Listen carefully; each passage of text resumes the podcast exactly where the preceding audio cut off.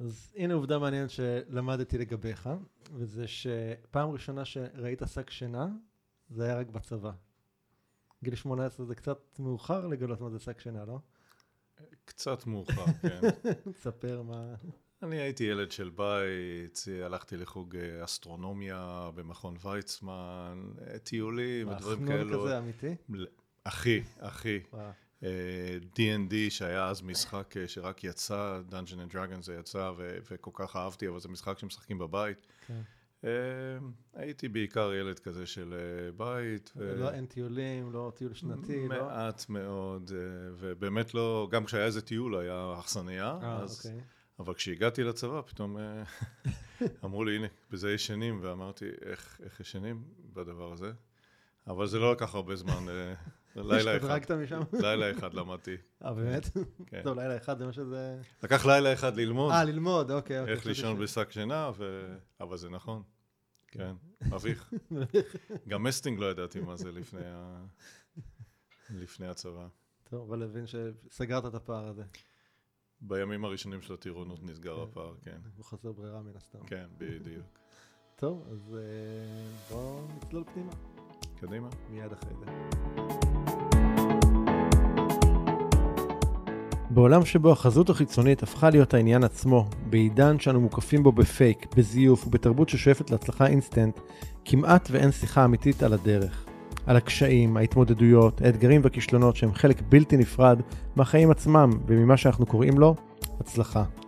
בפודקאסט בודדים בצמרת, ערן שטרן מראיין נשים וגברים מובילים בתחומם החושפים באופן אמיץ וללא מסכות את הדרך שלהם לצמרת. אנחנו מדברים על הכל בלי פילטרים, על האתגרים, הקשיים, הכישלונות והמחירים האישיים שנדרשו מהם להגיע לאן שהגיעו ולהפוך למי שהם. זו הזדמנות אדירה לשמוע באופן אינטימי, ללא אגו וללא פאסון, על המסע האמיתי של אותם אנשים, הבודדים בצמרת. לפרקים נוספים בפודקאסט חפשו בודדים בצמרת באפליקציות הפודקאסט המובילות, iTunes, Spotify, Google Podcast ואחרות. האזנה נעימה.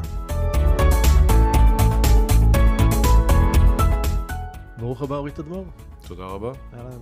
אז אה, אורי, נשיא KLA ישראל, אה, אתה רוצה רגע להסביר מה זה KLA, מה אתם עושים? כן, KLA זה חברה שעושה ציוד לבדיקת אה, צ'יפים, או בשם המקצועי semiconductors. צ'יפים נמצאים היום בכל מקום, והמכונות שאנחנו עושים הן מכונות בדיקה לציוד, ה... לייצור הצ'יפים, כשיש המון מכונות שאנחנו עושים, הרבה סוגים של מכונות שאנחנו מתכננים בארץ, יש מספר סוגים שאנחנו עושים בישראל, יש מרכז מארצות הברית. הרבה אנשים לא יודעים מה זה KLA, בדרך כלל כששואלים אותי אומרים מה זה KLM, אז אני אומר לא זה KLA, ואז שואלים אם אני יכול לאיית את זה, ואני אומר אני לא יכול לאיית את זה, זה KLA, אבל בסופו של דבר אה, אנחנו עושים אה, בתוך עולם הסמיקונדקטור, אנחנו סלבריטי, כולם יודעים מה זה כן. KLA, כולם יודעים מה זה המכונות, כולם משתמשים בציוד הזה, אנחנו נמצאים בכל מקום, וכל מה שיש פה בתוך העולם, האולפן הזה, עבר דרך המכונות שלנו בתהליך הייצור, כן. טוב. אז שאלה שאני אוהב להתחיל איתה, זה מי זה אורי? זו שאלה טובה. גם אני עדיין מנסה לפענח. לפענח את העניין הזה. אה, האמת, אני עדיין הרבה פעמים כשאני בא בבוקר לעבודה, חושב על הילד הזה שגדל ברחובות, גדלתי ברחובות, שהייתה אז עיירה מאוד uh, שקטה. זה שלא מכיר, זה שלא יודע מה זה שק שינה. וזה שלא יודע מה זה שק שינה, וככה בעצם התחלתי, אבל... אני בעצם, בבסיס, אני מסתכל על עצמי עדיין כמהנדס. בבסיס אני מסתכל על, ה, על התכנונים שאנחנו עושים ועל הדברים שאנחנו... עד היום? עד היום. באמת? כן. זה חלק גם מה-DNA של KLA שמאוד נכנסים לתוך, ה, לתוך הפרטים, גם המנהלים. אבל באופן כללי, אני מאוד אוהב את המכונות. אני התחלתי בתור מתכנן ב-KLA. ופיתחתי מכונות ואחר כך הוצאתי אותן לשטח וראיתי איך הן נראות בשדה כשהן עובדות אצל הלקוחות ואני מאוד, היום כש, כשלקוח אומר לי המכונות טובות או שיש בעיה, אני לוקח את זה מאוד אישי, זה לא איזה משהו כזה, דיברו על משהו שמישהו עשה, לא, דיברו... אתה ממש עמוק בתוך הדיזיין של כל דבר כזה? אז כבר לא עכשיו, אני כבר לא עמוק בכל הדיזיין, אבל שיש נגיד אה, בעיות, אז נכנסים, אני יורד לחדר הנקי, לראות את הבעיות, מסתכל על, ה, על הדיזיין של המכונה, מסתכל על הפרטים. אז יש מקומות שאני צולל עכשיו כבר ברמת הניהול הזאת פחות ופחות uh, בדברים הטכניים, אבל יש, כן, עדיין יש דיונים לא מעטים טכניים, ודרך אגב הם קורים בהרבה רמות ב-KLA, משתתפים ברמות הטכניות, המקים של KLA, כן לוי, עד היום, שהוא כבר עזב את החברה לפני המון שנים, שואל שאלות, אם הוא רואה, מדברים איתו, הוא שואל שאלות טכניות, הוא? הוא מעל 80 כבר, וואו. אבל הוא יכול לשאול שאלות טכניות, וה-DNA שלו, של גם המנהלים הבכירים ביותר מבינים את המוצרים, נשאר, נשאר בחברה, ואני גם, גם חלק מזה, ואני אוהב את זה. אני חושב שזה דבר טוב, זה להיות מחובר למה שאנחנו עושים. אוקיי. Okay. אז אה, אם היית ככה מנסה לתאר את ה... איך, איך, איך הופכים להיות נשיא KLA, כאילו זה, יש פה דרך. אז אם אתה מנסה רגע למצוא את ה... לא יודע, את התחנות העיקריות בדרך שלך, מה הן היו? נכנסתי לחברה בשנת 93 לגמרי במקרה, זאת אומרת, לא ידעתי לאן אני מגיע, רק ידעתי שזה הייטק, היה לי חשוב להיות בקבוצת פיתוח. אבל כשנכנסתי, הסתכלתי על החדר של מנהל ההנדסה שהיה בקצה ואמרתי, לשם, אני רוצה כבר, להגיע. כבר, כבר, כבר, ביום הראשון. באמת? סימנתי את המשרד של מנהל ההנדסה וואלה. בתור היעד שלי. למה? כי מה היה שם מבחינתך? אני לא יודע, משהו מאוד משך אותי בלנהל קבוצת הנדסה שהיא עושה דברים כל כך מסובכים בקצה של הטכנולוגיה, עם כל כך הרבה uh, תחומים. Uh, כן, יש לנו המון דיסציפלינות שמשתתפות בפיתוח. וזה מאוד משך אותי לנהל את הדבר הזה, אבל התחלתי בתור מתכנן, תכננתי חלקים פשוטים וחלקים קצת יותר מסובכים ועשיתי אינטגרציה, התחלתי ממש מה... מה... ועבדתי בידיים, אז לא היה מי ש... אז תכננת איזה חלק חדש, יכולת רק ללכת להרכיב את זה בעצמך ולראות אם זה בסדר. וככה התחלתי בעצם, אז מאוד... Uh, אה, זה היה הנקודה הראשונה שנכנסתי ואמרתי, אני רוצה להיות uh, מנהל הנדסה. כמה זמן לקח לך להגיע לשם? זה לקח די הרבה שנים, לא נעים להגיד. זה לקח הרבה, תמיד המנהלים הבכירים, תוך שנתיים הוא נהיה מנכ"ל, לא. זה, לקח, זה לא המקרה. זה לא המקרה, זה לקח, עד שהגעתי לתפקיד ההוא, עוד הספקתי לעשות רילוקיישן של שבע שנים לסיליקון וואלי, ואז יום אחד, כשמישהו אמר, אתה רוצה להיות מנהל ההנדסה של, של הסניף בישראל? אמרתי, כן. ותוך שלושה חודשים חזרנו ל- לישראל ולקחתי את, ה- את התפקיד הזה. עד כמה אתה חושב או מאמין שיש קשר בין זה שכבר בימים הראשונים סימנת שם את התפקיד ההוא כמטרה לבין באמת היכולת שלך להשיג את זה? כאילו אתה... אתה מאמין שזה קשור באיזושהי צורה? הרבה אנשים זה... רוצים להגיד, אם לא מסמנים מטרות, אז כן, לא מגיעים. כן, אני רוצה להבין איפה אתה מול זה. אני יותר אה, נתתי לדברים לזרום אה, באופן טבעי, אבל כשהייתה הזדמנות קפצתי עליה. כשהתפנה תפקיד ניהולי אמרתי, אוקיי, אני רוצה. כשהתפנה תפקיד של ניהול פרויקט, ששאלו אותי אם אני רוצה לעבור לארצות הברית, לנהל שם איזושהי הנדסה, אז, אז אמרתי כן, לא אמרתי לא, אני רוצה להישאר בתפקיד. אבל, אבל בתקופה הזאת עדיין החזקת בראש את התפקיד הזה כמטרה? כל הזמן. כל הזמן. כל הזמן. אז כל הזמן היה שם... כל הזמן הייתה המטרה הזאתי. ואחרי שהייתי בתפקיד הזה, אז אה, יום אחד אמרו לי, אוקיי, עכשיו אתה יכול לנהל את החטיבה. אמרתי, אוקיי, אז בואו נעשה את זה. אגב, כשהגעת לתפקיד הזה כבר סימנת את הבא? לא, לא, לא, אז אמרתי, זהו, הגעתי. אה, זהו, כאילו הגעתי לפסגה שלי? הגעתי, זה מה שרציתי, אני רציתי לנהל הנדסה, וזה כיף, כי הרבה אנשים מסתכלים על עבודת ההנדסה כאיזו עבודה טכנית, וזה נכון, יש המון טכניקה, אבל יש יצירתיות מדהימה בעבודת ההנדסה. והרבה פעמים היינו יושבים בפינת קפה ומקשקשים על איזה מפית או על איזה חתרת דף תכנון, והופ, אחרי כמה חודשים זה מופיע פתאום במוצרים שלנו. אה, אז, אז יש המון יצירתיות ואני מאוד אהבתי את זה, ולעשות ניהול של אוסף של הרבה אנשים יצירתיים, שכולם צריכים לעשות משהו ביחד, כן. זה מאוד, אה, מאוד מאתגר, וגם בתפקידים האלו אתה כבר יוצא לראות את הלקוחות ולשמוע מה הם אומרים. אז אתה אומר, רגע, מה שאני חשבתי זה לא לגמרי נכון, כי הם הראו לי משהו אחר. כן. הייתה פעם שהייתי אצל איזה לקוח, והוא אמר לי, תראה, אסור לי להראות לך, אבל אני אראה לך, בוא, בוא תראה מה המכונה שלך עושה כמו שאני רואה את זה. ובדרך כלל הם לא מספרים לנו בפרטי פרטים, אבל כן. הם נותנים לנו איזשהו סיכום. אבל הוא היה מוכן להראות לי ממש את, ה, את הדאטה עצמה. וזה היה מדהים לראות איך הוא, ואז אמרתי, אוקיי, הבנתי, אז פה יש בעיה כזאת ופה יש בעיה, וזה מאוד מעניין לראות איך איך אתה מפתח מוצר מצד אחד, ומה רואים עליו מצד, אה, מצד שני. כן. אז הגעת לתפקיד הבא של ניהול חטיבה. אז ניהלתי את החטיבה, ובאיזשהו שלב, וכשקיבלתי את ניהול החטיבה, חזרתי הביתה לאשתי ואמרתי, גם זה קרה, זה לקח הרבה שנים, כן, אנחנו עכשיו פה עשינו מסלול של כן. 20 שנה, אבל גם זה קרה, ואני שמח ועצוב. אז היא אמרה לי, למה אתה עצוב? אמרתי, אני עצוב, כי לא נראה לי שיש עוד תפקידים, נראה לי שמיציתי, הגעתי לתפקיד האחרון בישראל, אחר כך נצטרך לחפש משהו ואני לא רוצה לעזוב כי אני מאוד מחובר ל-KLA. אז היא אמרה, אשתי מאוד אופטימית, הרבה פעמים זה גם נכון, אז היא אמרה, אתה תראה, עוד יהיו הזדמנויות. ובאמת כשהתפנה התפקיד של אה, מנהל התפעול אה, והנשיא, כי מי שהיה לפניי עזב והציעו לי לקחת את זה, אמרתי, מעניין. רגע, זה תפקיד משולב? תפקיד משולב, זה שני כובעים. אוקיי, זה מעניין. זה פחות טיפוסי, לא? אה, שמשלבים אה, מנהל תפעול ונשיא ביחד. נכון. או מה המשמעות של, נכון. של הנשיא בעצם? מנהל התפעול זה תפקיד מאוד uh, ספציפי, זאת אומרת, אחראי על קווי המוצרים, על הייצור, על הייצוא כן. שלנו מ- מישראל. והנשיא זה תפקיד קצת יותר אסטרטגי ברמה של מה קורה בכאלה בארץ, איזה מדיניות אנחנו עושים. אבל זה יצא שזה התפקיד, הוא, הוא בארץ הוא כפול. זה לא, ראיתי כבר מקרים אה, דומים, זה לא מאוד ייחודי, אבל כשלקחתי את זה, זה היה, זה היה כאילו נכנסתי לחברה חדשה. למה? כי במשך שנים הייתי בתוך חטיבות המוצרים, גם אה, בארצות הברית אוקיי. וגם בישראל, ומעולם לא יצאתי מתוך חטיבות המוצרים. זה היה כל כך מצחיק, שכשהבוס שלי, שישב בארצות הברית, אז קרא לי לשיחה, באחד הבניינים של כלא, נכנסתי לבניין ואמרתי לו, לא ידעתי שיש לנו את הבניין הזה ולא ידעתי שיושבים פה אנשים. זה היה, זה, הכרתי אנשים חדשים, תהליכים, זה, זה היה כאילו התחלתי מחדש, וזה היה מאוד מאוד uh, מוצלח. וכשהגעת, כאילו, כשהגעת לתפקיד ההוא, זאת אומרת, מה, מה הייתה מבחינתך המוטיבציה לעשות אותו, או, לי, או לקבל אותו, או להשיג אותו? איזה תפקיד ההוא? האחרון של ה...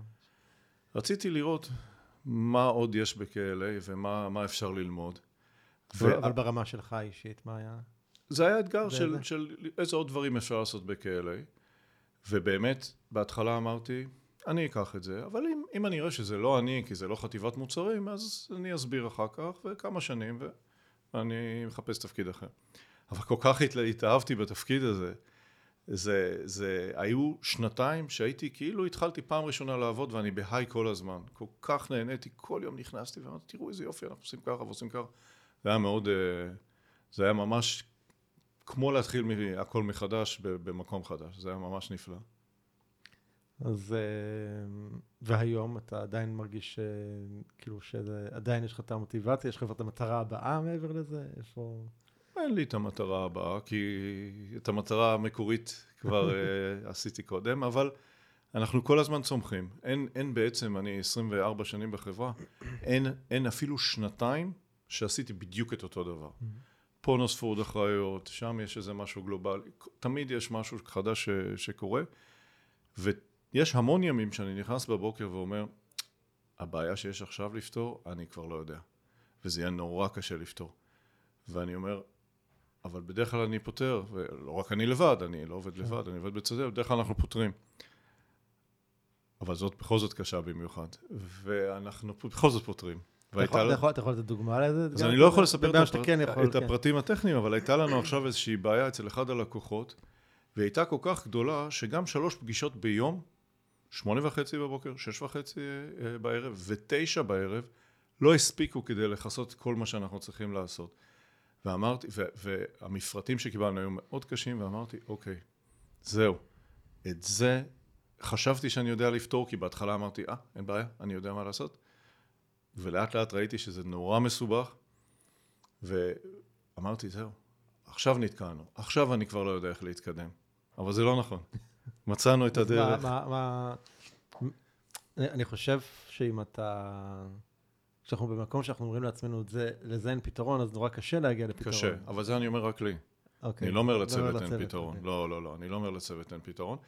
אבל אני, כשאני נוסע הביתה... אבל זה לא, לא מקרין עליהם, אבל דבר כזה? זה אני, חלק מהעבודה שלנו זה קצת uh, כמו במופע. אנחנו צריכים להיכנס פייס. בבוקר ולתת uh, מופע של, uh, של חיוביות, של מוטיבציה, גם אם אנחנו בדיוק באנו הבוקר ואולי כן. אנחנו מרגישים קצת אחרת, אבל עובדים על הבעיה ובסוף, אחד הדברים המעניינים זה בסוף מכונות טכנולוגיות, מוצרים הנדסיים, יש איזו אמת פיזיקלית בפנים, וברגע שאנחנו מגיעים אליה, אז זה נפתר. ותמיד אנחנו מחפ... אני מחפש כל הזמן, אני אמרתי לצוות למשל, הבעיה, יש משהו שאנחנו לא מבינים. וביום שנבין, זה יראה לנו כל כך כל כך פשוט. אבל כל זמן שאנחנו לא מבינים, זה נראה כמו איזה מין קיר בלתי עביר. היום אני מסתכל ואומר, ברור. ברור, לא, כמה, כמה זמן זה לוקח לפתור את זה? אבל כשעשינו את זה, זה היה, ו, וזה ממש אה, אה, אה, תופעה שקורית הרבה ב-KLA, שהבעיות נורא מסובכות, המכונות נורא נורא מסובכות, הדרישות של הלקוחות נורא, מסובכ, נורא מסובכים. ולכן כדי שאנחנו באים לפתור את זה, אנחנו, יש לנו הרבה אתגרים, וזה לא פשוט. אז אמרת משפט מעניין שכשמדובר בבעיות הנדסיות, אז בסוף יש איזושהי אמת פיזיקלית. כן. אה, מה בדבר בעיות אה, אנושיות, נקרא לזה, של כוח אדם, יש... דברים, סיטואציות... כן, יש הרבה... שהפיזיקה עובדת קצת אחרת. יש הרבה בעיות. יש לנו... האמת שבשנים האחרונות קצת, קצת התבגרתי כנראה, אה, אבל פתאום אתה רואה שלכל בן אדם, וככה אני מסתכל, כל בן אדם מגיע, יש לו איזה שק שלם של דברים שהוא הביא מהבית, mm-hmm. בעיות שרובצות עליו. נפטרו לנו כמה עובדים בשנים האחרונות, ופתאום כשהלכתי לשבעה של אחת העובדות שנפטרה, פתאום סיפרו לי עליה, ואמרתי, לא יכול להיות שכל כך לא הכרתי אותה. פגשתי אותה, ישבנו בישיבות ביחד, ושתינו קפה ביחד, ו... ואיך יכול להיות שלא ידעתי כל כך הרבה דברים אז, עליה. אז יש, יש המון דברים כאלו שאני, ובתפקיד שלי כנשיא מגיעים אליי כל מיני דברים כאלו, ופתאום אני רואה איזה אנשים, זה דבר מאוד מסובך, שם אין אמת פיזיקלית, שם כן. יש אמת יותר עמוקה, ו, וזה מאוד קשה, זה מאוד קשה להתמודד, אבל אנחנו מחפשים את הדרכים של איך להתמודד עם, ה, עם הבעיות של האנשים, איך לראות מה המוטיבציה של האנשים, עברנו עכשיו שנתיים, אולי כן. שלוש, מאוד מאוד באמת, קשות. איך הקורונה באמת פגשה אתכם בהיבט הזה? קורונה פגשה אותנו בצורה מאוד מעניינת, כי אנחנו מפעל חיוני, mm-hmm. והיינו צריכים להמשיך להפעיל את, ה... להפעיל את האתר, את אתרי הייצור. אה, ועשינו המון המון שינויים והתאמות.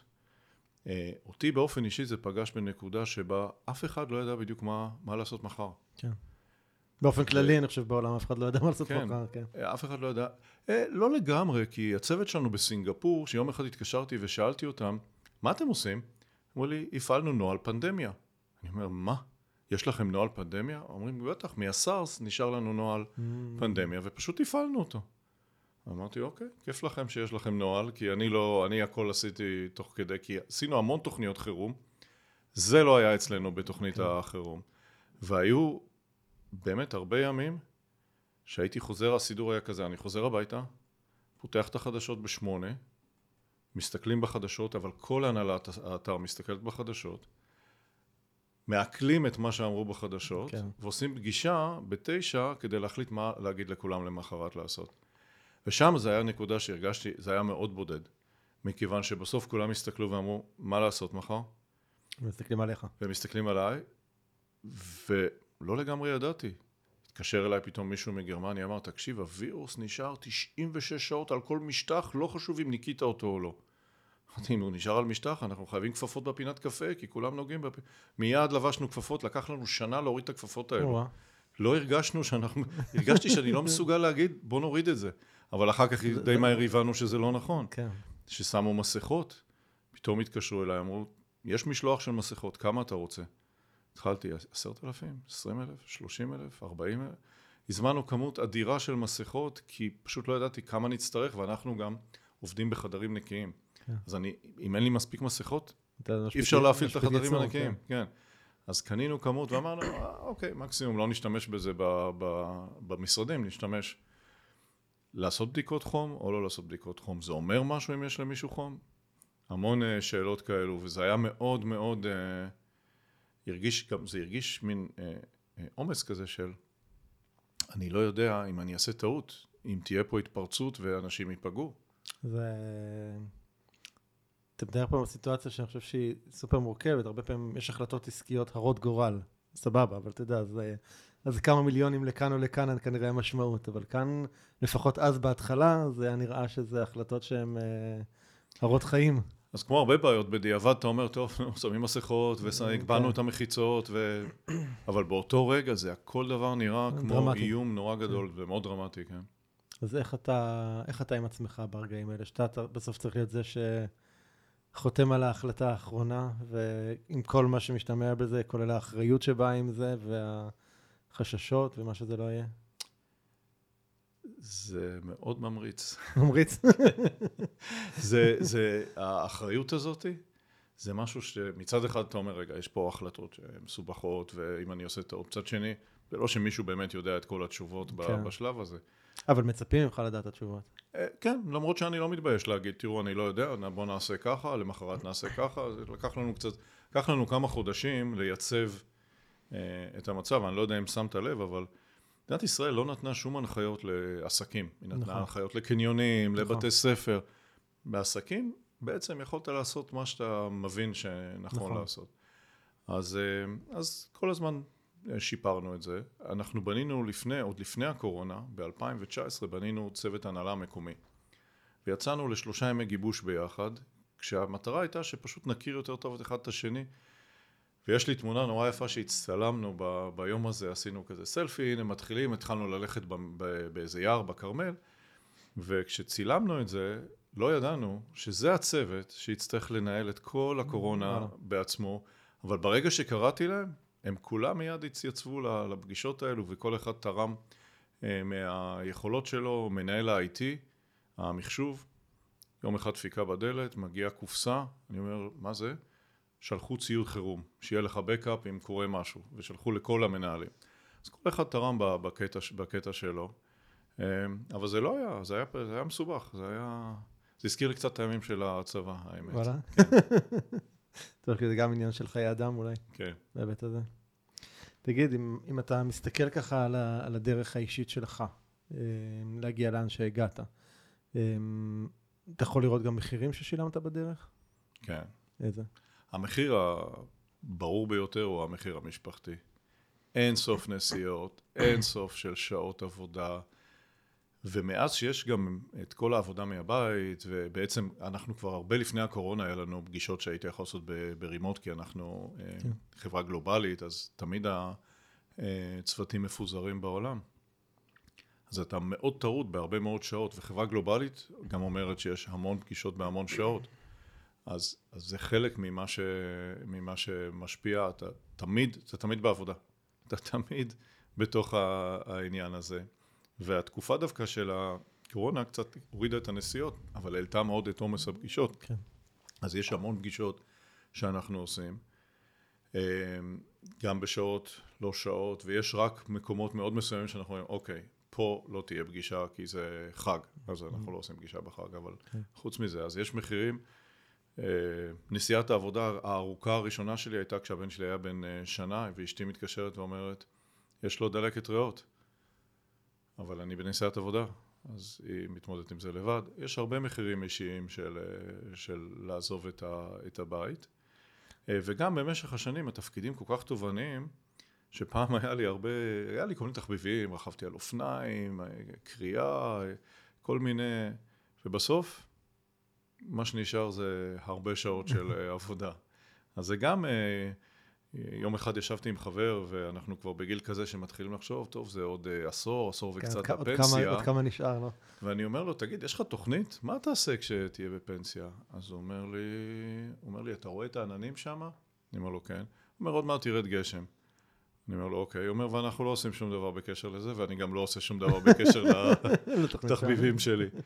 אז, אה, אז, אז יש, יש איזה אה, פוקוס מאוד גדול, אבל אני חושב שזה, אני, כשאני מנסה להצדיק לעצמי את זה, כי אני לא יודע אם בדיעבד זה הכי טוב שזה ככה, אני אומר, אוקיי, אני לא חושב שמייקל פלפס, שהיה אלוף, אה, או כל אחד שהולך לאולימפיאדה, אומר, אוקיי, אני צריך גם זמן אישי לתחביב... לא, הוא מתאמן שלוש פעמים ביום, 365 ימים בשנה כדי להיות בטופ. וחלק גדול ממה שאנחנו עושים, לוקח אותנו ואת החברה לקצה.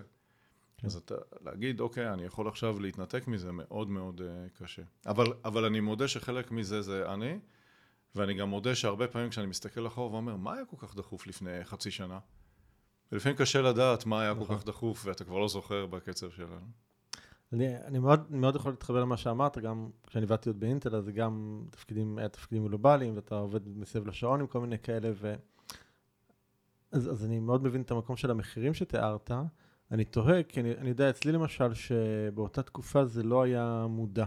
זאת אומרת, אני לא זוכר שישבתי עם עצמי ואמרתי, הסתכלתי בעצם על המצב, ואמרתי, אוקיי, אני רואה מה נדרש, ואני מבין את המחירים, ואני באופן מודע מחליט שאני מוכן לשלם את המחירים האלה. זה. אני, אני לא יודע, אני תוהה איך זה היה אצלך, כאילו, במקום גם. אצלי זה לא היה ככה, פשוט עם התפקידים שנהיו יותר ויותר גדולים ויותר ויותר תובעניים, יום אחד פתאום הרי הסתכלתי ואמרתי, אוקיי, זה האמת אפילו משפיע גם על הסביבה המשפחתית והחברים. כן. אין הרבה זמן, אין הרבה סופי שבוע, כי הרבה פעמים בסופי שבוע אתה או יוצא לטיסה או חוזר מטיסה, אמ, אז זה משפיע, אבל אני לא הסתכלתי, אני פשוט יום אחד הסתכלתי אחורה ואמרתי, אוי, זה הכל מתנקז. מצד שני, אני מאוד אוהב מה שאני עושה, אז אין לי שום בעיה אה, להקדיש לזה את הכל, ולפעמים אני חושב שזה אפילו קל. אפילו קל להתמקד בדבר אחד ולא להתפזר על המון המון דברים. כן. ואיך אה, אתה חושב שהדבר שה, הזה, בכלל, בכלל ההצלחה, ההתקדמות שלך, איך זה השפיע על המשפחה, באיזה... איך... זה אולי צריך לשאול אותם, כן, אבל... אה, אני לא יודע בדיוק. א', הם רגילים למצב הזה. כלומר, mm-hmm. כשהבן שלי נולד, כבר עבדתי ב-KLA, העבודה תמיד הייתה תובענית, אז, אז הם ככה רגילים. אבל אני חושב שהם כן רגילים גם לזה שאני לא נמצא הרבה, הרבה בבית, אמ, וזה, וזה מש... אני בטוח שזה היה לזה השפעה, וגם KLA עשתה לנו רילוקיישן, אנחנו עברנו כל המשפחה, ולמרות שאני הייתי משוכנע שזה מעבר קל, זה בסך הכל מישראל, לסיליקון וואלי, סיליקון וואלי חשבנו שהתרבות היא לא כך שונה, וזה יהיה יחסית מעבר, אבל זה לא מעבר פשוט.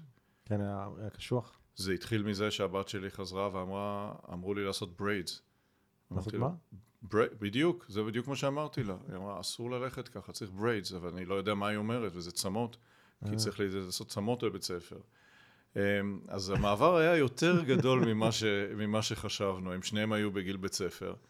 אה, הבת שלי הקטנה, הבת שלי... תמר עוד הייתה בבית ספר, בגן. אמ, אז זה היה מעבר לא, לא כל כך פשוט כמו שזה נשמע עוברים לסיליקון וואלי. כן, נשמע מאוד זוהר כשאתה מתאר את זה. זה זוהר, בסוף אנחנו מאוד נהנינו, אבל ההתחלה, הם לא ידעו אנגלית, למרות שהתחלנו קצת ללמד אותם לפני המעבר, זה, זה מעבר לא, לא פשוט, ולא מזמן אה, מצאתי אה, מכתב שהבן שלי כתב ביום שהוא, שטסנו. זה באמת, זה היה... קורע לב לראות איך הוא, למרות שהוא נורא רצה לעבור, אבל ביום שהוא הבין שאנחנו עוברים, זה היה די קורע לב לראות מה הוא כתב. אני לא ראיתי את המכתב, עד לפני שנה לא ראיתי את המכתב הזה. וואלה, ומה כן. הוא כתב? שזה קשה, שעוקרים אותו מהמשפחה ומהסביבה שהוא מכיר, וזה, זה, הוא, הוא, הוא חווה את זה כעקירה מסביבה אחת לסביבה שנייה.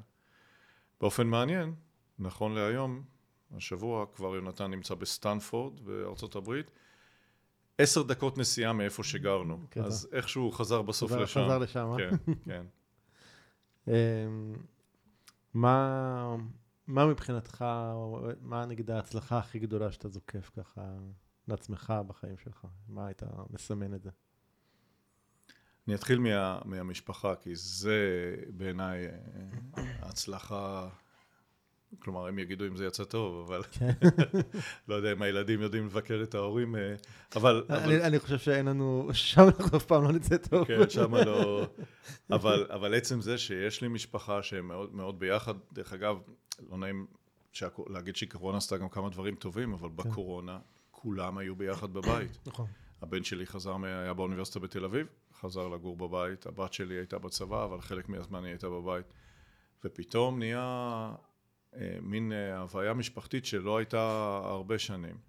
אז המשפחה זה, זה, זה בראש ובראשונה, אנחנו, יש לי שלושה ילדים, אה, אלה הקטנה ש, שבהם, אבל היא כבר בת 17, אז, אז, אז זה באמת מאוד משמח ו, וגאווה גדולה לראות איך המשפחה מתפתחת. אשתי בכלל עברה לסטארט-אפ, התחילה ב-HR, mm. אבל עכשיו היא מנהלת וממנכ"לת סטארט-אפ. אמ, אז זה כיף, כיף לראות את, ה, את המשפחה. אה, עשינו, הצלחנו גם במשך השנים לעשות כמה נסיעות משפחתיות ביחד. אה, וזה היה מאוד מאוד מוצלח. האחרונה הייתה לברצלונה דקה לפני שהבן שלי עבר לארה"ב והבת שלי נסעה לטיול של אחרי צבא. וזה היה מאוד מוצלח להיות עם כולם, אה, עם כולם ביחד. פתאום הם כבר מבוגרים, כן. אפשר לשבת ולדבר, אפשר להסתובב. זה פאזה אחרת. כן, חשבתי דרך אגב שכשהילדים כבר מבוגרים, אתה פטור מללכת לאקווריום יחד עם כל ההורים.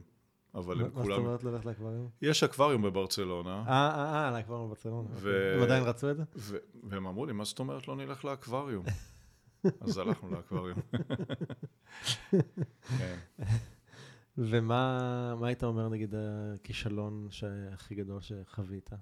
ומה אתה תופס אותו ככישלון הכי גדול? אז יש, יש א', מוצר אחד ש, שאני דחפתי מאוד חזק ו, והייתי משוכנע שאני עושה בדיוק את הדברים הנכונים והמציאות הוכיחה שלא. אז, אז זה מכיוון שאנחנו לוקחים, אני מאוד לוקח, והרבה אנשים אצלנו לוקחים את המוצרים כל כך בצורה אישית, שאתה עושה משהו וזה לא מצליח, זה, זה כישלון, mm. כישלון מאוד מאוד גדול. והדבר השני שניסיתי לקדם... שנייה, אבל שנייה, כן. בוא נדבר, אז מה, אז מה... איך, איך, איך לקחת את זה ברמה האישית שלך? איך זה השפיע עליך ברמה האישית שהבנת שהדבר הזה נכשל? זה קשה, זה עושה לך מצב רוח לא טוב, אתה אומר איפה טעיתי, למה לקחתי את ההחלטות האלו, איך, איך לא הבנתי מה צריך לעשות, איך לא קראתי את התמונה הנכונה של של מה הלקוחות רוצים ומה אנחנו יכולים, והאם זה יהיה בסדר מבחינת לוחות הזמנים. אה, זו תחושה מאוד, אה, אני לא אומר, אוקיי, הצוות. אני אומר, כן. טעיתי פה כשהחלטתי לעשות את זה, ומשהו לא קראתי נכון בתמונת, אה, בתמונת מצב של, של שחרור המוצר. כי, כי מאוד, מאוד באופן טבעי, אני חושב, קל במקרים של כישלונות, זה להיכנס לפוזיציה כזאת של... Uh, שיפוטיות כלפי עצמנו, וביקורת עצמית, והלקאה עצמית, ויש אנשים שזה גם מביא אותם למצב של סוג של שיתוק, שהם לא מוכנים לנסות שום דבר אחר יותר, נהיים מאוד מאוד זהירים אה, בדברים אחרים, כאילו, איפה, איפה, איך אתה שם את עצמך במקום הזה? אז זה לא מביא אותי לשיתוק, אבל זה כן מביא אותי לחשוב מה פספסתי בתהליך, איפה, איפה יכולתי לתפוס את הנקודה של להבין שצריך לעשות שינוי. אה, ואני חושב שזה מאוד חשוב, אתה יודע, תמיד אומרים שלומדים מהכישלונות כן. ופחות כן, מההצלחות. נכון.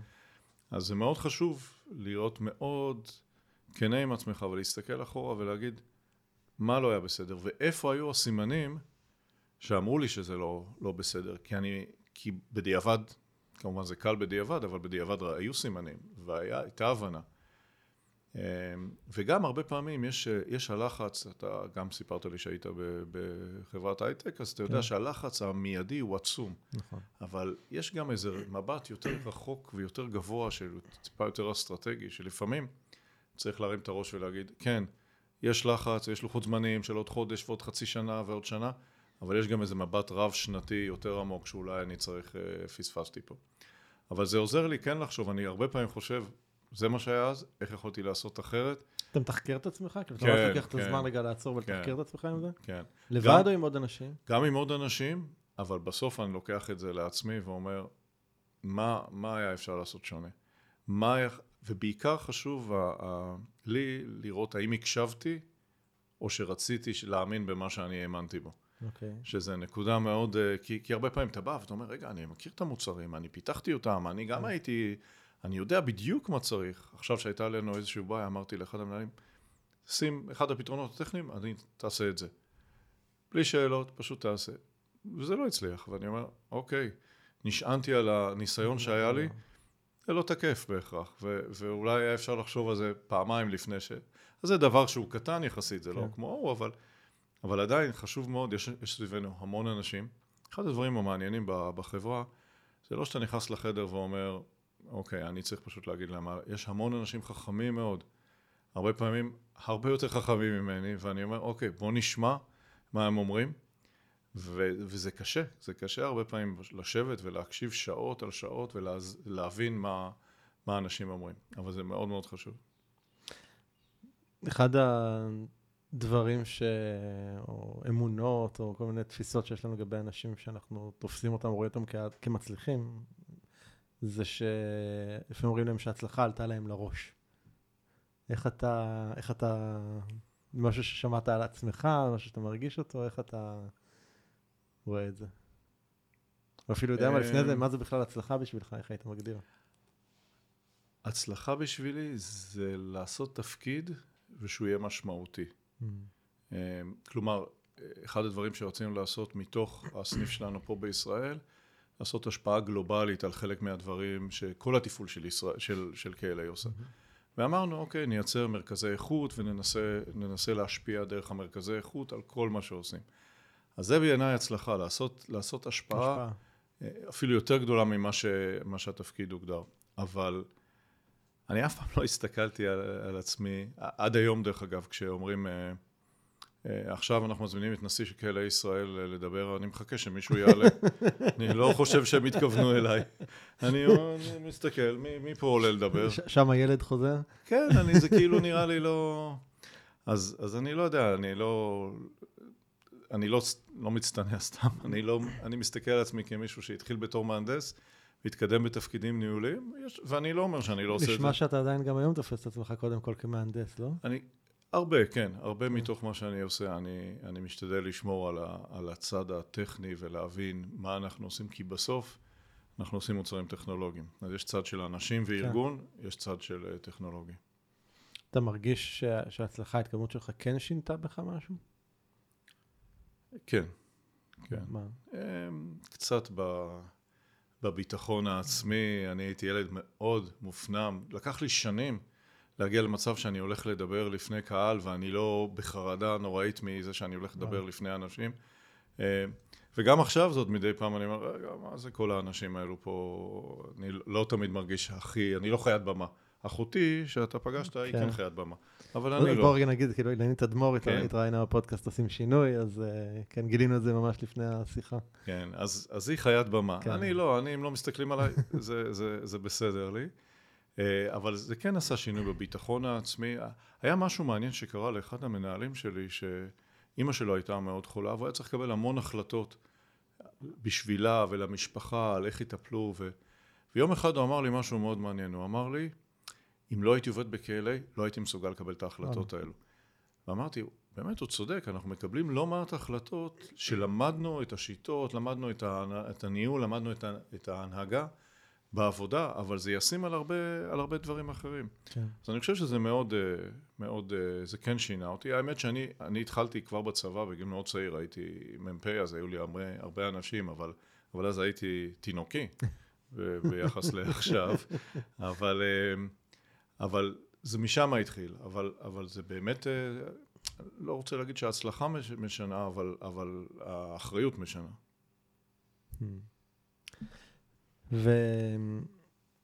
ולהגיע ולהיות uh, בצמרת, הפודקאסט הזה נקרא בודדים בצמרת. Uh, אז זה הרבה פעמים, כמו שתיארת בתקופה של הקורונה, הרבה פעמים אתה צריך, אתה לבד עם עצמך.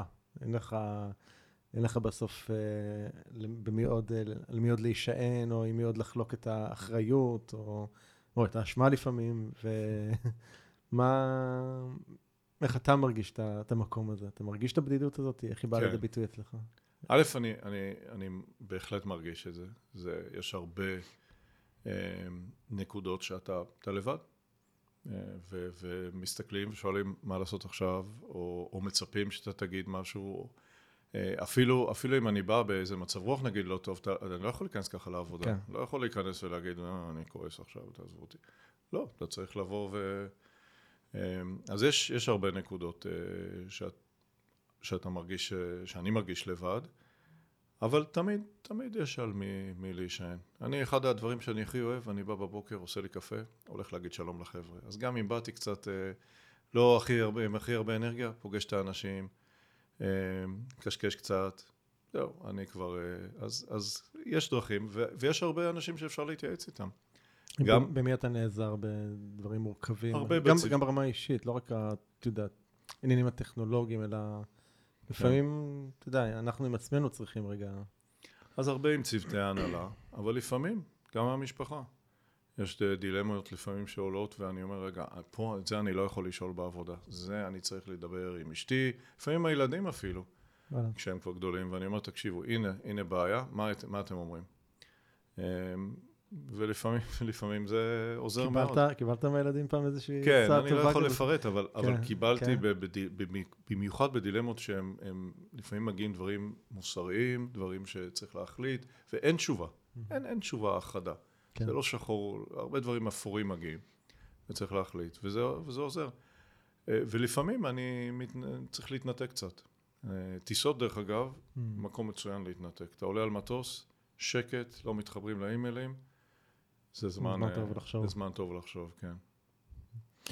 אם, אם הייתה לך את היכולת לחזור לאיזושהי נקודה בתחילת הדרך שלך, ונגיד אורי של היום יכול לתת איזשהו טיפ זהב לאורי של אז, אז לאיזה נקודה היית חוזר ומה היית אומר לו? יותר שינויים יותר מהר. יותר שינויים יותר מהר? יותר שינויים תסביר. יותר מהר. אה, באיזה גיל, אגב, לא- לאיזה אורי היית חוזר? באיזה נקודה? לא קטן מ-30. אוקיי. אבל בגיל 30, אה, הרבה פעמים כשאתה רואה דברים, אז אתה אומר, רגע, אני בא למקום חדש, אז ככה עושים פה, ככה, אני עברתי מתפקידים לתפקידים שלי, ככה עושים, זה מה שנהוג, Mm. זה מה שהייתה התוכנית לפניך, אז למה שעכשיו תבוא ותשנה את זה? ואז אתה מסתכל ואומר, בדיעבד, בסוף שיניתי, אז אולי לא היה צריך עכשיו ללמוד שנה כן. מה צריך לעשות בשינוי. למרות שאני מאוד לא אוהב שבא נגיד מנהל לתפקיד חדש ואומר, אוקיי, כל מה. שהיה קודם, עכשיו אני באתי לסדר, עכשיו הכל יהיה בסדר. אני לא מאמין בזה. אני חושב שהיו הרבה אנשים חכמים לפניי ועשו הרבה דברים מסיבות מסוימות, אולי התנאים השתנו, אז, אבל כן הייתי עושה שינויים, יש כמה מקומות לאורך השנים שהיה אפשר לעשות שינויים יותר מהר, יותר חזק, יותר גדול, ולקבל אה, תוצאות, ולפעמים עשיתי את זה, ולפעמים גם זה לא הצליח, אז זה לא תמיד אה, עובד, אבל, אבל יותר שינויים מהירים, כן. מעניין. תגיד, התחושה היום שאתה מקבל על אה, הישג כזה או אחר שאתה מגיע, זה באותה עוצמה כמו בתחילת הדרך, או שזה משתנה? איך, אה, זה יותר חזק, יותר חזק היום? כן. כי כאילו, אם זה מצליח... כי המשמעות יותר גדולה? כי אם זה מצליח היום, אז זה משפיע על, על. הרבה יותר דברים. כן, הסקייל יותר יותר גדול, זה. משפיע על, על יותר דברים. כן. אמ, וזה, וזה משמח אותי מאוד כשדברים מצליחים, וכשדברים לא מצליחים, אז פחות משמח. באופן טבעי. כן. ודיברת קודם על המקומות האלה של הלבד, שלפעמים שהולך, גם, גם, אה, בכישלון, סליחה, כשדיברת על כישלון, אמרת שהולך חוסר ביטחון וזה. גם היום אתה מרגיש, כאילו, לא משנה כמה הצלחת וכמה הגעת, עדיין, אתה, זה משהו שצריך להתמודד איתו? אתה מרגיש שאתה צריך להתמודד איתו לפעמים?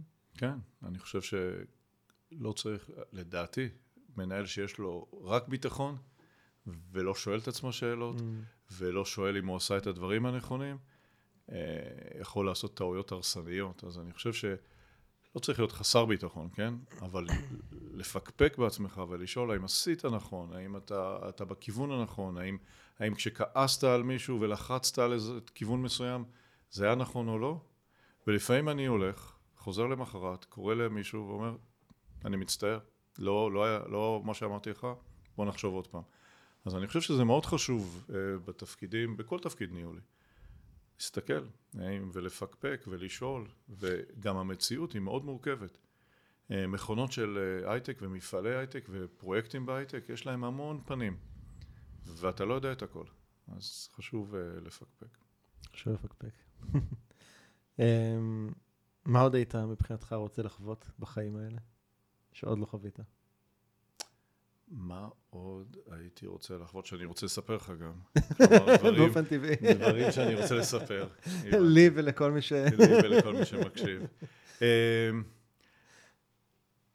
גמרתי את הצבא, הייתי חמש שנים בצבא. והייתי לחוץ שכל העולם מתקדם כבר, ואני נשארתי בצבא וצריך לרוץ ללימודים. עם הטנדר של הצבא, הגעתי לטכניון. ואיפה הטיול לפני צבא? ארוח, טיול אחרי צבא, איפה הטיול אחרי צבא? לא עשיתי. אז זה אני מאוד מאוד רוצה לעשות, את הטיול של אחרי צבא, ואני כבר אחרי צבא, זה בסדר. אמ, כי אני חושב שיש מעט נקודות בזמן שאתה לגמרי חסר נכון. אה, ז- אה, מגבלות של זמן ואחריות, ואחריות, ואתה יכול... אז אני מקווה שזה יגיע כשאני אוכל לעשות את זה ואני אוכל לעשות טיול, אה, טיול אחרי צבא, אולי עם פחות שק שינה, יותר אה, ריזורט, כן. אבל אה, אני כן רוצה להסתובב בעולם ולראות, זה, זה משהו שאז פספסתי, בדיעבד אה, הזמן הזה, התקופה הזאת שאין לך מחויבויות לא חוזרת, לא חוזרת. ואני חושב שזה, שזה חבל, כן, אז זה מה שעוד עוד אז הייתי אנחנו רוצה קצת דומים בהקשר הזה. אני הייתי, ביום חמישי הייתי בבקו"ם, ביום ראשון הייתי באוניברסיטה. כן, אז אה, הרבה טיול אה, לפני, אחרי צבא לא הספקתי לעשות. כן. את הטיול אחרי צבא שלי עשיתי לפני כשש שנים. אה, לקחנו את הילדים ויצאנו בעצם לטיול אה, ארוך בעולם, היינו שבעה חודשים בעולם. או וואו, כן, עם שלושת הילדים. אז זה היה הטיול אחרי צבא שלי. יפה, אז אה, אולי תיקח את כן. הרעיון. אולי, כן. אולי. מה זה, מה זה חופש בשבילך? איך היית מגדיר חופש? לא חופשה, איפה של החופש מבחינה הפנימית של בן אדם. אני לא חושב ש... שיש לי חופש. אני חושב שיש לי המון דברים שאני צריך ומצופה לעשות, אבל יש שעות של אה, חופש, יש שעות של זמן אישי, אז אני מוצא את ה... אבל אין כזה קטע שאני אומר, אוקיי, עכשיו אני משוחרר, הגיע סוף שבוע ואני יכול להתנתק מכל דבר שקורה ו... לא, אין, אין כזה דבר, ואני קצת אוהב את זה. אני לא אוהב להיות... אמ, הייתי לא מזמן ב, עם איזה צוות בגרמניה, ואמרתי להם, מפה אני נוסע לחופשה. ואמרו לי, איזה כיף לך. אמרתי, אני לא זוכר מה עושים בחופשה, אני צריך שיזכירו לי. מה, ובאמת, ובאמת לקח לי איזה יום, אה, הולכים בית קפה, הולכים למוזיאון, הולכים מסתובבים. אז אה, כן, אבל אני אף פעם לא חיפשתי את החופש הזה. הרבה פעמים לכולנו יש, uh, במיוחד אבל בתפקידים שהם חשופים כלפי, אתה יודע, אם זה עובדים או ציבור, מה שזה לא יהיה, אז יש איזושהי פרסונה שמוצגת בחוץ. Uh, בכל מיני היבטים שלה, ואנחנו בונים את הפרסונה הזאת ומטפחים אותה, אבל uh, הרבה פעמים גם יש פער בין הפרסונה לבין בסוף מי שאני. אתה מכיר את הפער הזה? בוודאי, כן. בוודאי. גם בצורה שאני מדבר עם אנשים, ופתוח, ו- ומכיר, ושואל. אני מגיע הביתה, שקט. אני הבן אדם הר, הרבה יותר סגור ממה שמישהו חושב, כן. אה, אפילו זה שאני מדבר איתך פה בשצף כזה, זה... אני לא חושב שלפני 15 שנה הייתי, הייתי עונה לך בכן, לא. אז מה, מה, מה, מה, מה השתנה בך שמאפשר את זה היום? באיזשהו שלב הרגשתי קצת יותר בטוח בעצמי, קצת יותר... אה, אה, פתאום הבנתי שגם יש ניסיון, שאנשים רוצים שאני אגיד דברים, אז, אז אה, נוצר מין... אבל, אבל יש בהחלט הרבה, הרבה מהתדמית שאתה מביא לעבודה, אבל יש גם דברים שבונים את זה. אמר לי, בשיא הקורונה, אמר לי מישהו, אמר לי, ראיתי אותך בא כל בוקר לעבודה עם חיוך. וזה מה שעזר לי בתקופה הזאת שלא ידענו מה... כן. ואני אומר, אוקיי, זה טוב, כי באמת באתי עם חיוך, אבל בפנים הייתי עם כל מיני חששות על מה הולך לקרות ואיך יהיה, וכמובן אז בתחילת הקורונה דיברו על זה שסוף העולם מגיע, כן. וכולם יגורו במערות, ולא צריך יותר שום מכשיר אלקטרוני אי פעם בחיים, וגם כסף לא יהיה, אז בואו נקח מזומנים, ו... זה השיחות ש... ונייר טואלט ייגמר. ונייר טואלט ייגמר, ועמדתי בתור בסופר במשך שעות כדי להביא נייר טואלט, וכשהיו חסרים ביצים רצתי ל... אז, אז היה לנו את הקטע הזה של, היי, העולם שלנו הולך להשתנות בצורה דרמטית, ובכל זאת, כלפי חוץ אתה רוצה לשדר, אה, אנחנו ממשיכים. כן. מה, מה ממלא אותך באנרגיה? מה, מה, מה מעניק לך אנרגיה? אמ, בצד של העבודה, הרבה ממה שאני עושה עם הצוותים שאנחנו עובדים, גם המתח לפעמים לפני פגישות, לא מזמן היה לנו איזה offsite מאוד מותח, היה לנו הרבה דברים חשובים שהיה צריך להחליט בזמן מאוד קצר, והתכוננו, ובאנו לשם, ויש הרבה, הרבה אקשן סביב זה, וכשזה נגמר אתה אומר, וואו, דיברנו על זה, והחלטנו את זה, והתקדמנו. אז בצד של העבודה זה מאוד, אה, מאוד אה, ממלא העשייה. וגם בסופו של דבר אה, ב KLA אנחנו עושים הרבה מוצרים שהם מוצרים פיזיים גדולים, אתה יכול לראות אותם. אז אם יש לך לחץ יותר מדי גדול, תמיד אתה יכול לרדת לחדר הנקי ולראות שאנחנו עושים משהו אמיתי, כן. שאנשים צריכים, שהלקוחות מחכים, וזה מאוד uh, ממלא. בסוף רבעון אתה יכול לבוא ולראות משאיות יוצאות עם עוד ועוד ציוד שלנו לכל העולם ומחכים לזה. אז יש בזה המון, uh, המון מוטיבציה שזה נותן והמון אנרגיה שזה נותן, ש, ש, שהדברים שאנחנו עושים הם משמעותיים. Uh, ובצד הביתי יש הרבה גאווה, משפחה, אשתי עם הסטארט-אפ שלה, יש mm. הרבה גאווה מה, מהתחום הזה. מה לגבי אה, ביקורת? נתקלת ביקורת שהופנתה אליך? איך אתה מתמודד איתה? בוודאי, מה זאת אומרת? יש הרבה ביקורת. בכלא לא... פעם היה לי איזה מנהל בארצות הברית שהוא אמר לי איזה משהו, שאני לא אחזור עליו. אמרתי לו, אתה יודע, אתה היית מסתדר נהדר בישראל, אתה מאוד ישיר, אז הוא אמר לי, או, תודה רבה, אמרתי לו, אני דווקא לא חשבתי שזה מחמאה. אז, אבל בכלא יודעים לתת ביקורת וצריך לתת ביקורת, אז זה לא סתם שאנחנו נמצאים איפה שאנחנו נמצאים עם המוצרים שלנו. התהליך, ה... כל התהליכים שלנו, התהליכים האסטרטגיים, התהליכי של פיתוח מוצרים, יש עליהם המון ביקורת. ואני חושב ש... שזה בסדר, זה... אני חושב שזה מחזיק אותך חד, מדויק, אה, אבל כן, יש הרבה, הרבה ביקורת, ולפעמים זה מאוד לא נעים, אה, נעים לשמוע, וזה בעיקר לא נעים כשזה נכון. כן. כשאתה אומר, אוקיי, אמרו לי, אבל הם צודקים. אז אוקיי. מה, מה אתה חושב שהילדים שלך לומדים ממך? שנביא אותם ונשאל? לא, מה אתה חושב שהם, מה אתה חושב שהם אה, חושבים?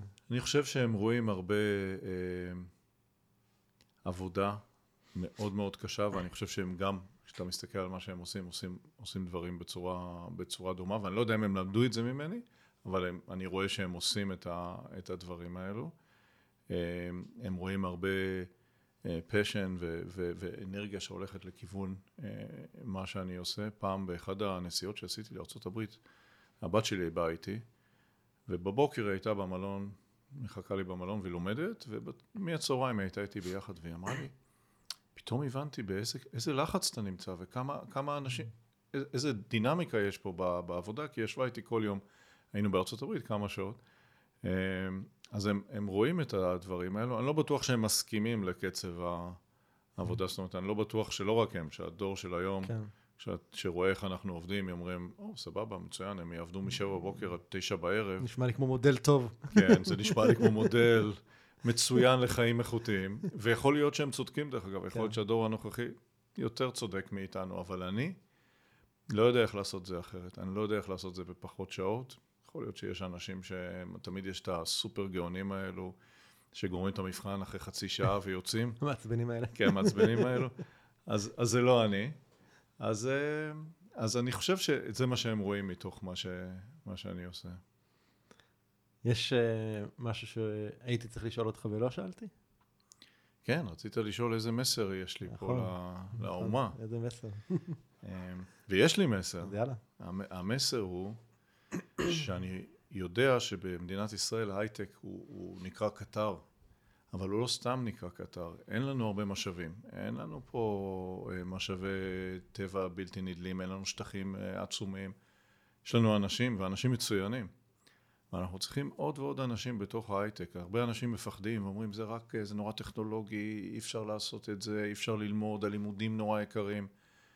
הלימודים בארץ, באוניברסיטאות, הם בין הזולים כן. בעולם. זאת אומרת, אפשר ללמוד אם רוצים.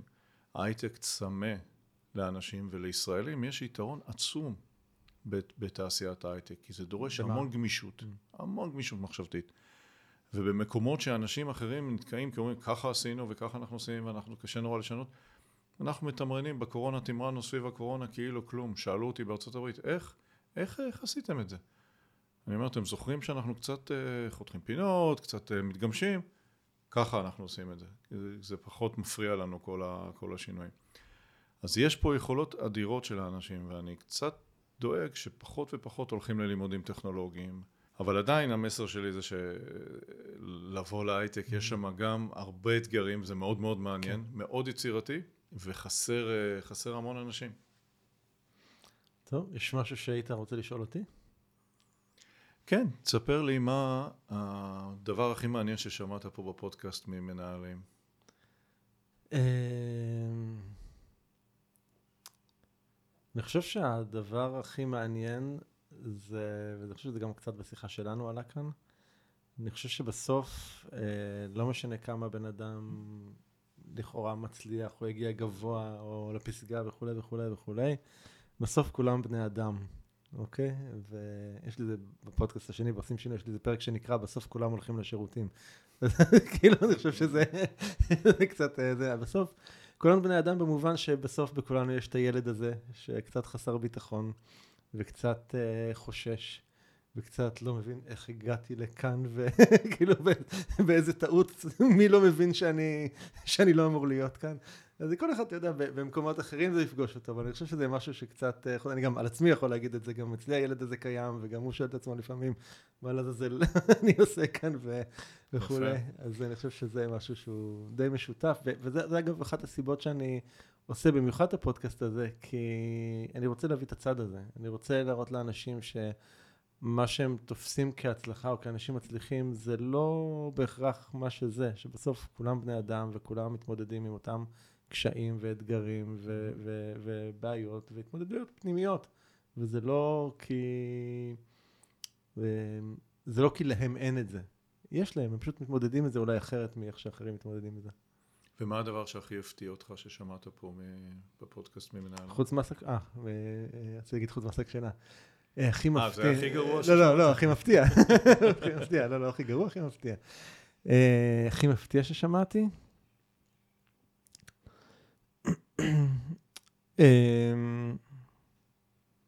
נחשוב רגע. אני חושב שהרבה...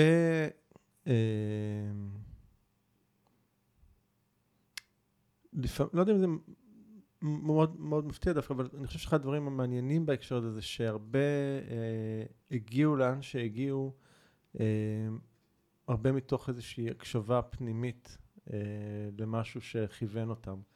אה, לא בהכרח לפי איזשהו אה, סולם מוסכם שהם היו אמורים לטפס עליו. אה, כל מיני, ואז כל מיני בחירות שהם עשו בדרך בקריירה שלהם, שהן יותר היו אינטואיטיביות מאשר, אה, נקרא להן, מהונדסות. מעניין. אני חושב שזה היה דבר שמעניין היה לשמוע. כי אחד הביקורות שיש לי על עצמי זה איך לא שמתי יעדים מאוד מוגדרים ו...